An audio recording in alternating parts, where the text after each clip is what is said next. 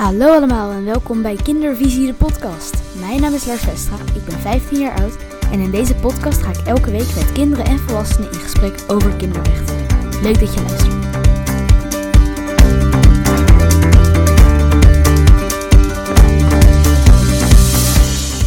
Daar zijn we dan. De allereerste aflevering van Kindervisie, de podcast. En we beginnen meteen met een geweldige gast. Hij werd jonge ambtenaar van het jaar 2017. Datzelfde jaar zat hij ook in de duurzame Jonge 100 en won de People's Voice Award van de Verenigde Naties in 2015.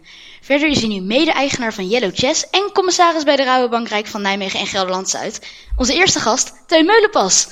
Ja, Yes. Teun, superleuk dat je er bent. Ja, hartstikke leuk om hierbij te zijn, eh, Lars. Een hele eer om in de eerste podcast deel te mogen nemen met jou. eh ik hoorde van je initiatief en eh, zo waar ik het gevraagd ook nog. Dus Ja. dat is helemaal leuk, ja.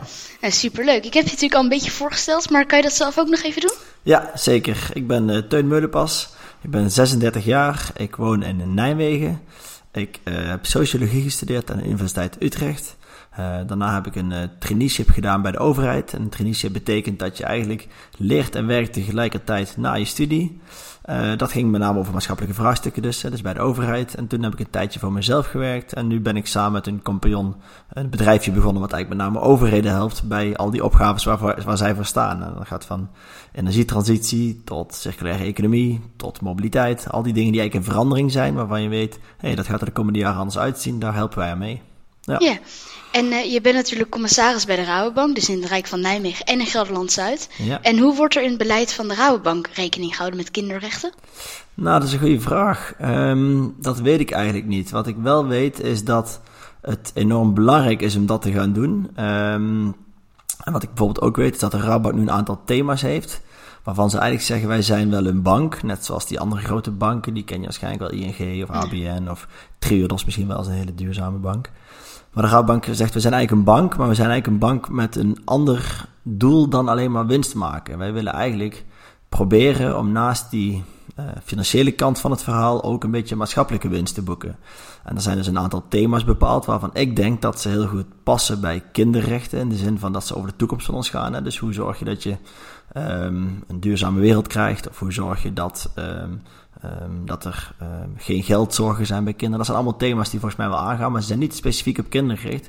Dus je triggert je wel met mijn vraag. eh triggert me wel met je vraag omdat, ehm, omdat ik het niet zo expliciet hoor. Dus ik, ik heb het idee dat dat vast ergens rond zal zingen. Maar het is dan niet echt op mijn netvlies binnen de Rabobank. En dat zou het misschien wel moeten zijn. Dus, En hoe zou, hoe zou dat dan nog beter kunnen? nou ja, wat ik, wat ik vooral belangrijk vind is dat je in de... En dat zal misschien later in, de, in jouw, eh, van deze podcast ook terugkomen. Is dat je rekening houdt met de toekomst en wat je doet. Dus je kunt wel nu nadenken op korte termijn van... Hey, het is makkelijker om dit of dit te doen, want daarmee hebben we minder weerstand. Of daarmee boeken we meer winst als bedrijf of whatever. Maar als je niet rekening houdt met toekomstige generaties... dan gaat dat op een gegeven moment tegen je keren. En met name is dat het risico dat... omdat de mensen die de beslissingen nemen... dat zijn vaak de... In heel veel gevallen nog meneren zelfs, ook al een ding op zich. Maar dat zijn vaak de mensen die zelf niet die toekomstige generatie zijn. Of daar zelf niet de problemen van gaan ondervinden. Dus stel dat de, dat, dat, dat de aarde echt anderhalve graden eh, temperatuurstijging gaat krijgen. Ja, daar gaan die mensen minder last van hebben dan kinderen. En dan misschien nog wel generaties die nog niet geboren zijn. Dus ik, daarom vind ik het enorm belangrijk om daar wel over na te denken. Van wat laten we achter? Misschien moeten we wel juist gaan denken over wat betekent dat wat je nu kiest eh, voor... Wat voor gevolgen heeft dat over 50 jaar of over 100 jaar? In plaats van, nee, wat dat doen we volgend jaar met de cijfers. Dus daar, eh, daar probeer ik wel op te letten. Ehm, dus dat is wel terechte vraag. Maar ik heb het idee dat de Rabobank er nog bewuster van kan worden dat dat echt wel over andere generaties gaat.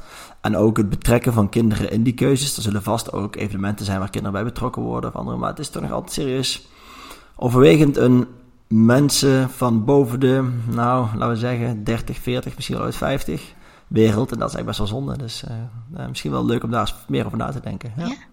En eh, samen met een vriend heb jij eh, van Amsterdam naar Kaapstad gefietst. Maar liefst 12.000 kilometer, als ik het goed heb. Mhm. Een heel verhaal, dus laten we bij het begin beginnen. Waarom eigenlijk?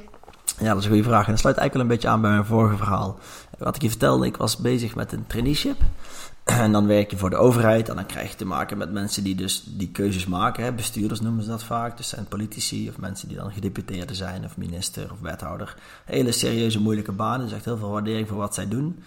En toch merkte ik best wel vaak dat zij dus keuzes maakten waarvan ik dacht, ja, die zijn misschien politiek wel goed nu. Hè? Dus je, kop gaat er niet af. Je kunt de politiek uitleggen. En uh, je krijgt misschien wel een deeltje voor iets wat jij gedaan wil krijgen. Maar het waren ook uit keuze van. Ik dacht, jongens, jongens, we zijn we toch met de korte termijn bezig. En waarom beslissen jullie, vaak wat oudere mensen, over mijn toekomst op zo'n ingrijpende manier. Waar ik nog zoveel gevolgen van ga krijgen. En uh, een vriend van mij, Yield die, eh, die was op dat moment jongerenvertegenwoordiger namens Nederland bij de Verenigde Naties. Dat is een, eh, een hele leuke rol waarbij je eigenlijk de jongeren uit je land bij de Verenigde Naties mag vertegenwoordigen. Dus je mag daar spreken namens de Nederlandse jongeren. Dus het idee is dat je dan hier door Nederland gaat reizen en allerlei jongeren spreekt. Of wat zijn jouw ideeën en noem maar op. En dat mocht hij bij de Verenigde Naties gaan brengen. En hij ervoer daar eigenlijk hetzelfde. Hij zag ook dat daar heel veel serieuze mensen zaten te praten over de wereld, met allerlei doelen te stellen en allerlei dingen te bedenken. En het ging eigenlijk over een wereld waar zij zelf misschien op een gegeven moment geen onderdeel van uitmaken. Want ze zijn zelf al, nou ja, hoe oud zijn die mensen? Vaak al 60 misschien, misschien nog wel ouder zelfs. Uh, hoe oud is Biden nu? Volgens mij een prima kerel, maar hij is wel hartstikke oud en hij bepaalt zoveel voor jongeren zoals jij over hoe die wereld eruit gaat zien. En uh, dat voor Yildiz ook. Dus de samen zeiden we iets van, hey, hoe kunnen we nu meer invloed gaan hebben op dat wat er in de wereld bepaald wordt. Maar vooral, hoe kunnen heel veel meer jongeren over de hele wereld bepalen hoe hun toekomst eruit zien. In plaats van dat oudere mensen dat doen. Dus dat was eigenlijk een zorg waarmee we zaten. En toen zijn we samen eens een avondje uh, daarover gaan praten. En toen kwamen we op een gegeven moment op het idee van, hey, wat als we nu um, heel veel input van jongeren gaan verzamelen voor de nieuwe doelen van de Verenigde Naties. Dus de Verenigde Naties gingen die Sustainable Development Goals aannemen. Betekent dat. Dat betekent dat ze erover gingen spreken en samen akkoord over gingen zoeken.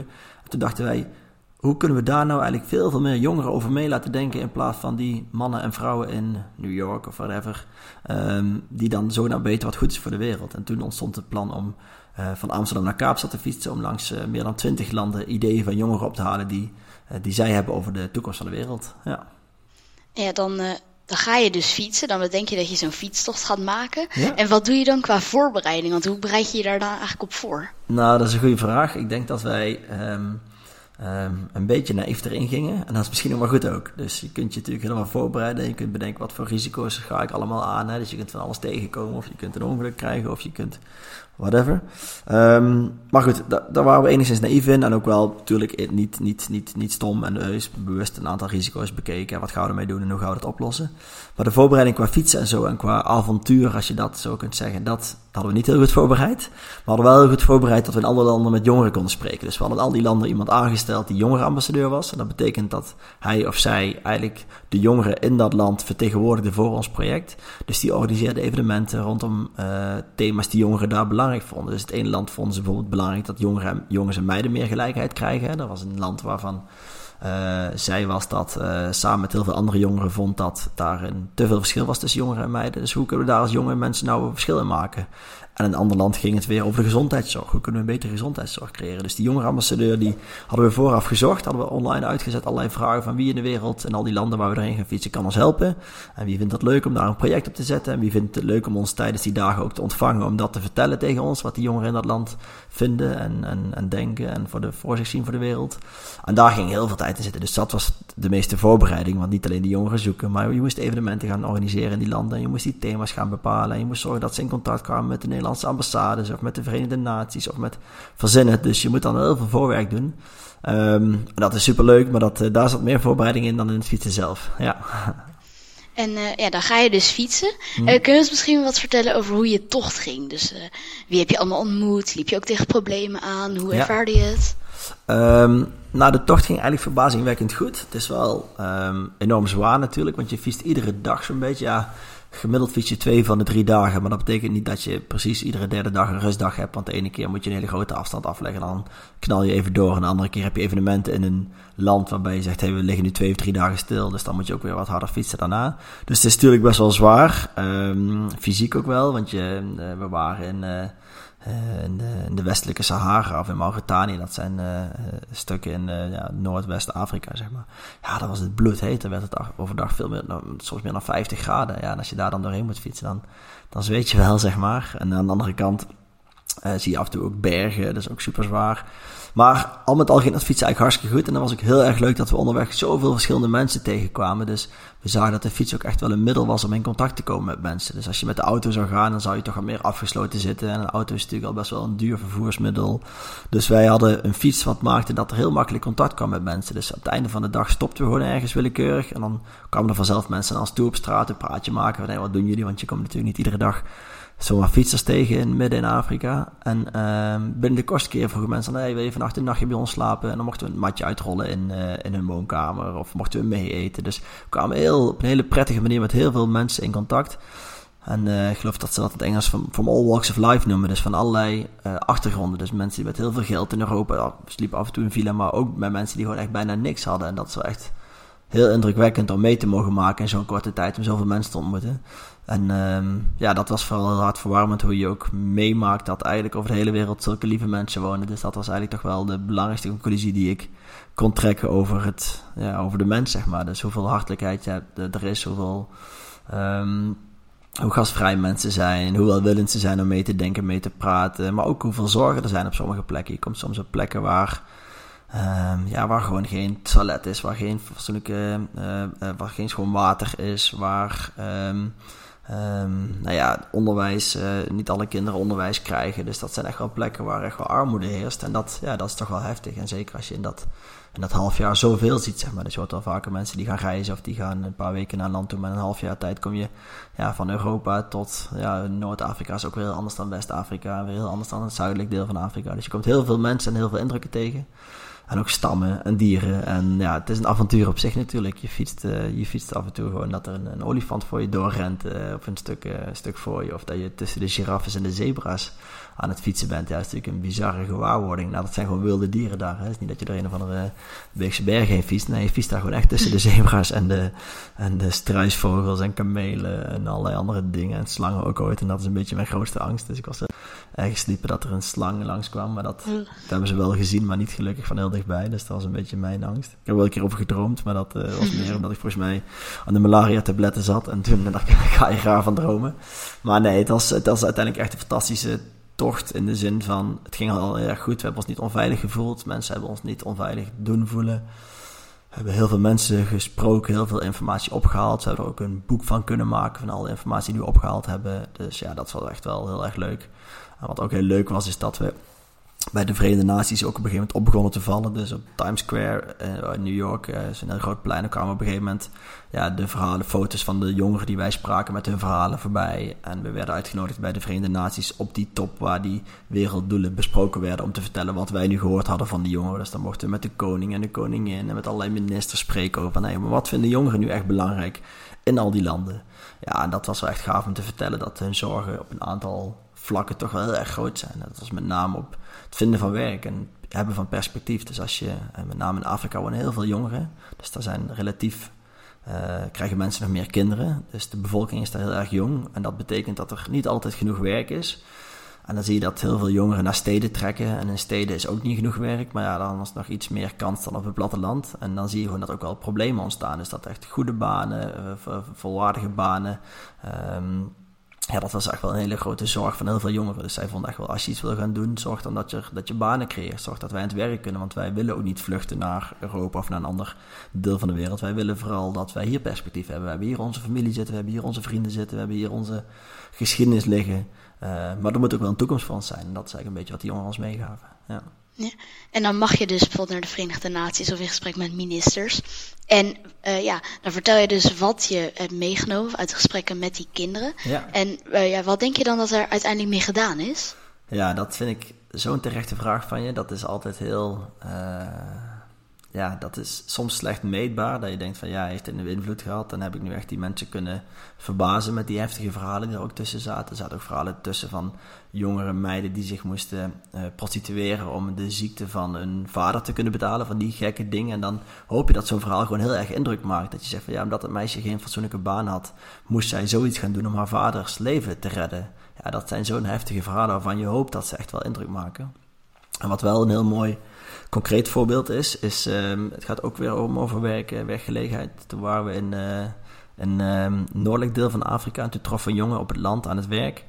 En die vertelde ons dat hij binnenkort naar, ehm, naar Europa zou gaan varen met een bootje. En dat is natuurlijk super gevaarlijk met zo'n klein bootje. En er zijn hoge golven en er gebeuren regelmatig dodelijke ongelukken. En wij vroegen waarom. Toen zei hij, ik heb hier geen perspectief. En toen zijn we dat met minister Ploemen gaan bespreken. En toen zagen we een paar weken later dat de minister samen met haar andere ministers besloten had om echt heel veel geld vrij te maken voor perspectief voor banen in Noordelijk Afrika. Dus dat is gewoon heel gaaf te zien dat daar, en ik zeg niet dat wij dat direct hebben gedaan, maar dat we daar een steentje bij hebben mogen dragen, dat geloof ik zeker. Dus dat is wel leuk dat je dat ook terugziet na een gesprek met zo'n minister, hadden we dan online via Teams. En dan zie je een paar weken later dat er onverwachts geld vrij is gemaakt voor zulke, zulke belangrijke onderwerpen. Ja, ja. dat is wel heel mooi. Ja. Uh, ja, dan maak je dus zo'n fietstocht. En wat is dan het, misschien het leukste of het bijzonderste wat je dan hebt meegemaakt en wat je dan nu nog steeds meedraagt? Nou ja, wat ik net zei, die hartverwarmendheid van de mensen, dat is iets wat je voor het leven tekent in positieve zin. Dus je hebt gewoon vertrouwen in de mensheid aan zich. En dat is gewoon een hele fijne uh, manier om in het leven te staan, denk ik. Dus dat je altijd uitgaat van het goede van de mensen. En ik denk dat ik hoop dat heel veel meer mensen dat in het leven doen. Dat zou het volgens mij wat, wat beter maken uh, onderling. Uh, maar wat ik ook in die tocht heel erg bijzonder vond, is dat wij ook nastreefden dat er in die landen zelf contact zou blijven tussen jongeren en overheden. Dus dat het niet eenmalig was van hé, hey, die jongens komen met de fiets voorbij, die halen wat informatie op en het vervliegt weer. Maar dat we echt lokaal die contact ook legden tussen jongeren en, en politici of andere mensen die het voor het zeggen hadden. En dat is gelukt. Dus in heel veel landen wordt nu stelselmatig of wordt op heel regelmatige basis met jongeren gesproken over de ideeën die zo'n bestuurder in zo'n land heeft. Dus dat is gaaf om te horen dat je dus als jongen nou ja, uiteindelijk uh, blijvend impact hebt of blijvend mee mag denken over de dingen die in zo'n land gebeuren. En dat is echt wel wat we hoopten. Dus als het goed is, is er indirect door die fietstocht ook wel het een en ander in die landen gebeurd. Dus dat er nu meegedacht wordt over, hey, waar moeten we als land naartoe? En dat, nou, daar zou ik voor geen goud over mee willen denken. Dat kunnen die jongeren in dat land zelf veel beter dan ik. Dus dat jongeren in nou, Benin of in Angola of in een ander land met hun beleidsmakers mogen meedenken over de dingen die gebeuren, dat vind ik echt wel heel tof en daar ben ik ook wel een beetje trots op. Ja. En even voor de duidelijkheid, hoeveel landen heb je nou precies gefietst? Zal ik je eens opnoemen? Ja, is goed. We zijn begonnen in Nederland. Toen hebben we een klein stukje Duitsland meegepikt. We hebben ook gewoon jongeren uit Europa meegenomen, net zo belangrijk. Toen zijn we via België gegaan. Toen zijn we naar Frankrijk gegaan. Toen zijn we naar Spanje gegaan. Toen hebben we de boot gepakt. Toen zijn we Marokko ingefietst. Of toen kom je, ga je van de boot naar, uh, naar het vasteland. Uh, dan ga je door de westelijke Sahara. Dat is een gebied onder Marokko wat een beetje door Marokko geclaimd wordt. Uh, maar waarvan zij zelfs vinden dat het een eigen land is. Dan ga je naar Mauritanië. Dan ga je naar Senegal. Van Senegal, Senegal zijn we naar Ivoorkust gevlogen, omdat er in die tijd ebola, een beetje à la corona, alleen dan nog wat heftiger heerste in uh, Sierra Leone, Liberia en Guinea. Dus dan mocht je niet doorheen.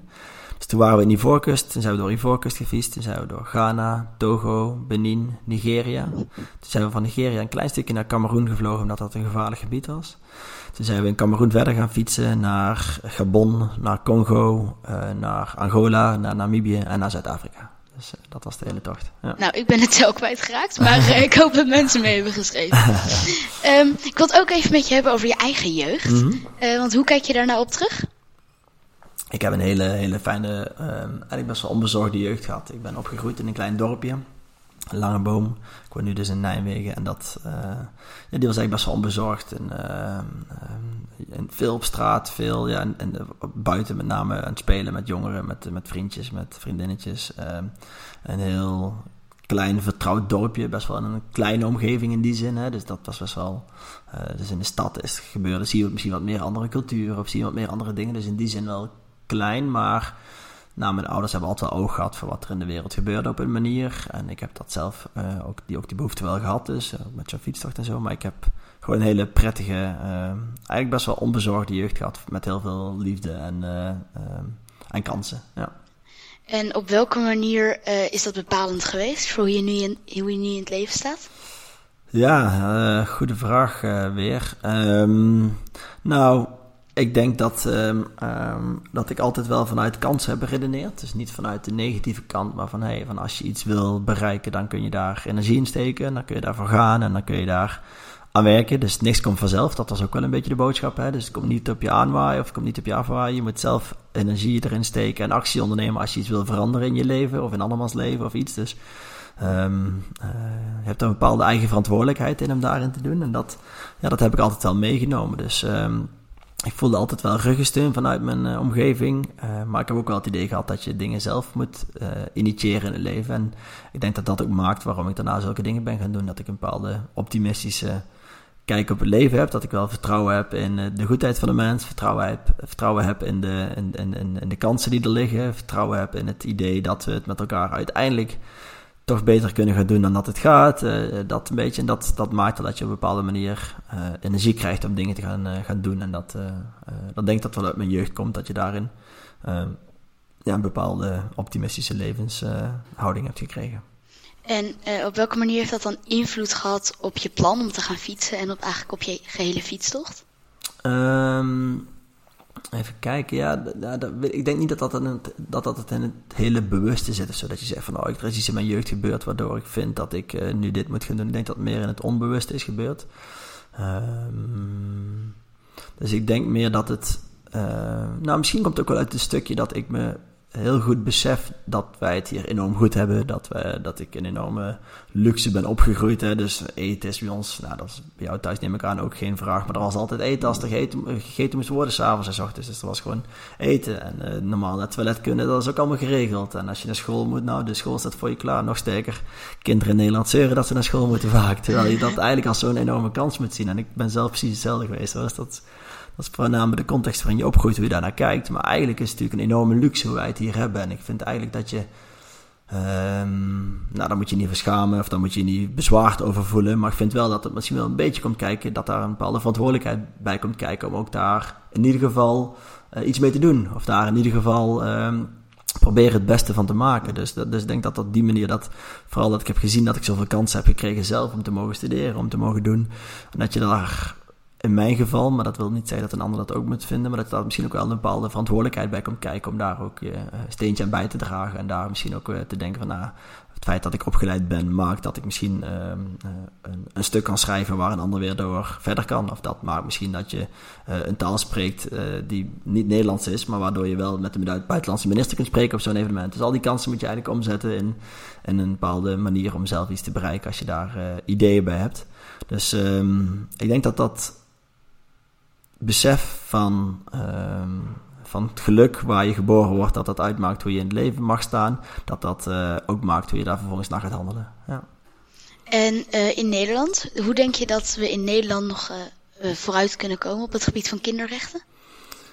Nou, dan kom ik eigenlijk een beetje terug op het klimaatvraagstuk. Ik denk dat, nou jij bent nogal een tikkeltje jonger dan ik, hè? Hoe oud ben je nu? Uh, 15. 15, ja, je bent meer dan 20 jaar jonger dan ik. Dus jij mag, jij haalt sowieso, verwacht ik nog wel, de, de 22e eeuw. Dus jij, uh, jij mag nog even. En wordt vaak gezegd, hè, 2100 is wel zo'n eikpunt. Hè, hoeveel graden is het dan in, uh, in de wereld?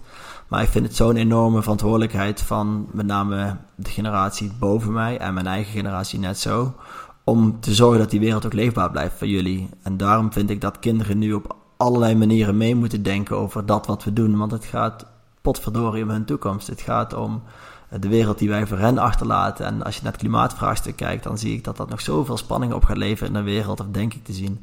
Dat dat gaat zorgen voor allerlei. Nou ja, we hebben de overstroming in uh, Limburg gezien, dat is hier nog uh, in de buurt. Maar er zijn ook kinderen in de rest van de wereld die in eilanden wonen, die wel echt onder water komen te staan door de stijgende zeespiegel. En, en zo zie ik dat er ook nog heel veel vluchtelingenstromen zullen kunnen gaan komen wanneer landbouwgrond verder droger wordt in een aantal gebieden in de wereld. Dus gaan we laten een onrustige wereld achter voor onze kinderen als wij door blijven gaan op de manier waarop we het nu doen.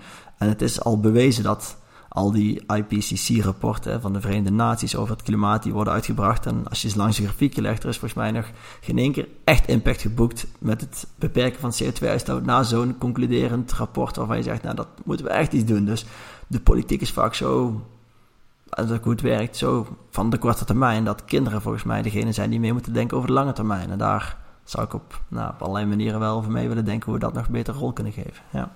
En hoe, zouden ja, hoe zou je daar dan een betere rol aan kunnen geven aan kinderen in de politiek? Um, nou, ik denk niet alleen de politiek overigens ook. Hè. Dus een, een vraag die stelt over de bank vind ik echt een hele interessante. Het is ook wel leuk om eens te gaan kijken bij de bank wat er nu, uh, wat er nu gebeurt. Um, of misschien moet ik uh, jou een keer mee laten denken in zo'n uh, vergadering van zo'n RVC. Hè. Dat gaat vaak heel serieus en over hele grote bedragen en cijfers. En ja, precies, die wereld. Nou, valt dat laatste gelukkig inmiddels wel mee. Maar het is wel echt, het is vaak zo serieus. En, ik, en dat is ook goed, want het zijn ook serieuze onderwerpen. Maar om daar wat verfrissing in te brengen lijkt me al heel erg leuk.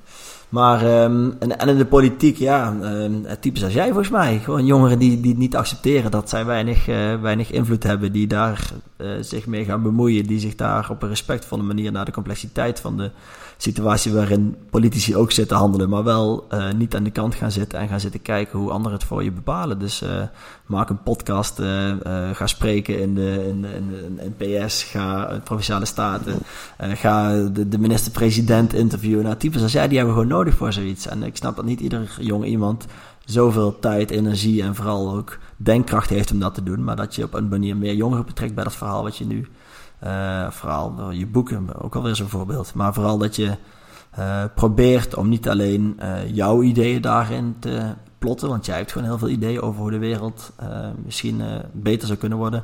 Maar betrek daar ook jongeren bij die daar misschien minder makkelijk zo nou, bijna activistisch in kunnen zijn als jij. Dus misschien kun je met je klasgenoten spreken of juist de basisschoolinformatie ophalen. Beetje hetzelfde als wat wij deden bij die fietstocht. Wij hadden heus niet de waarheid in pacht hoe de wereld eruit moet zien in die tijd. Maar we dachten wel, als we nu eens duizenden jongeren gaan spreken, dan kunnen we wel een beter verhaal neerleggen. Dus we probeerden vooral een achterban te creëren van jongeren die met ons meedachten over die richting. En uh, ja, dat is denk ik ook wel een manier. Ja, je hebt natuurlijk al die gemeenteraden, de jeugdgemeenteraad en dingetjes. En ik vind dat dat wel echt serieus genomen moet worden. En uh, ja, dat zou ik. Um, ja, nog wel meer willen zien eigenlijk. En ook, en ook zeker meer terug willen zien. Dus achter schermen gebeurt het vast. En bij de rouwbank zullen ook vast groepjes kinderen zijn die af en toe mee mogen denken. Maar ik ben ook wel eens benieuwd wat eruit komt en wat er dan verteld wordt. En hoe dat anders van inhoud is dan de gesprekken die de volwassen mensen hebben, zeg maar. Zit er nou echt een wezenlijk verschil tussen jullie ideeën en onze ideeën? En hoe kunnen we daar een beetje in, uh, in middelen? Wat overigens nog wel een leuk voorbeeld is. Dat is iets totaal anders, maar wel wat laat zien hoe je goed eigenlijk kinderen kunt betrekken bij, uh, bij ideeën.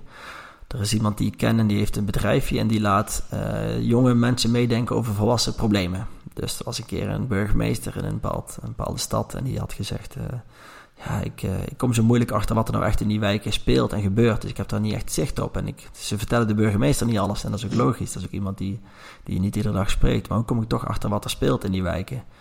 En dat begon iemand anders dus met die kinderen te bespreken van, help eens mee na te denken. Hoe komt een burgemeester er nou achter wat er nou speelt in zijn stad? of haar stad.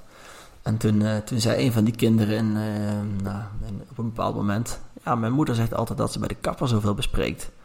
En toen dacht degene die dat begeleidde: dacht, Dit is nou eens een heel leuk haakje. Dus toen heeft die burgemeester bedacht: Ik ga iedere maand ga ik vijf kappers uit mijn stad uitnodigen om gewoon eens te babbelen. Gewoon eens te horen wat wordt er nou in die stoel voor jou verteld. Wat zijn nou de dingen die spelen? Waar lopen mensen tegenaan bij onze gemeente? Waar lopen mensen tegenaan in het leven? Wat zijn superleuke manier die eigenlijk door kinderen bedacht is dus. En waar de burgemeester uiteindelijk heel veel informatie uit zijn stad ophaalde die op geen enkele andere wijze te halen was. Nou ja, dan denk ik, zulke briljante ideeën, die kunnen we wel meer gebruiken. Van die slimme oplossingen voor die, uh, voor die, voor die vraagstukken waar, uh, waar vaak alleen maar moeilijk over gedacht wordt, is een simpele oplossing uiteindelijk het briljantste idee. Dus dat vind ik wel super cool en dat biedt volgens mij nog heel veel meer kansen dan dat we nu gebruiken. Ja. Nou, wat een goed idee. Alle burgemeesters die luisteren, jullie hebben het gehoord. Ja, precies. Ga af en toe met je kapper spreken. Yes. Nou, daar wil ik heel graag mee afsluiten. Teun, super bedankt dat je er was. Ik vond het heel leuk en ik hoop dat onze luisteraars het ook erg leuk vonden. Ja. Uh, volg vooral ook Teun even op zijn sociale media, die staan hieronder. En volg natuurlijk de podcast, zodat jullie ook volgende week weer luisteren. Doeg! Doei! Dit was hem alweer. De podcast is helaas afgelopen. Maar niet getreurd, volgende week komt gewoon weer een nieuwe. Ik hoop dat jullie dan weer luisteren, want er komt een hele leuke gast. Tot dan!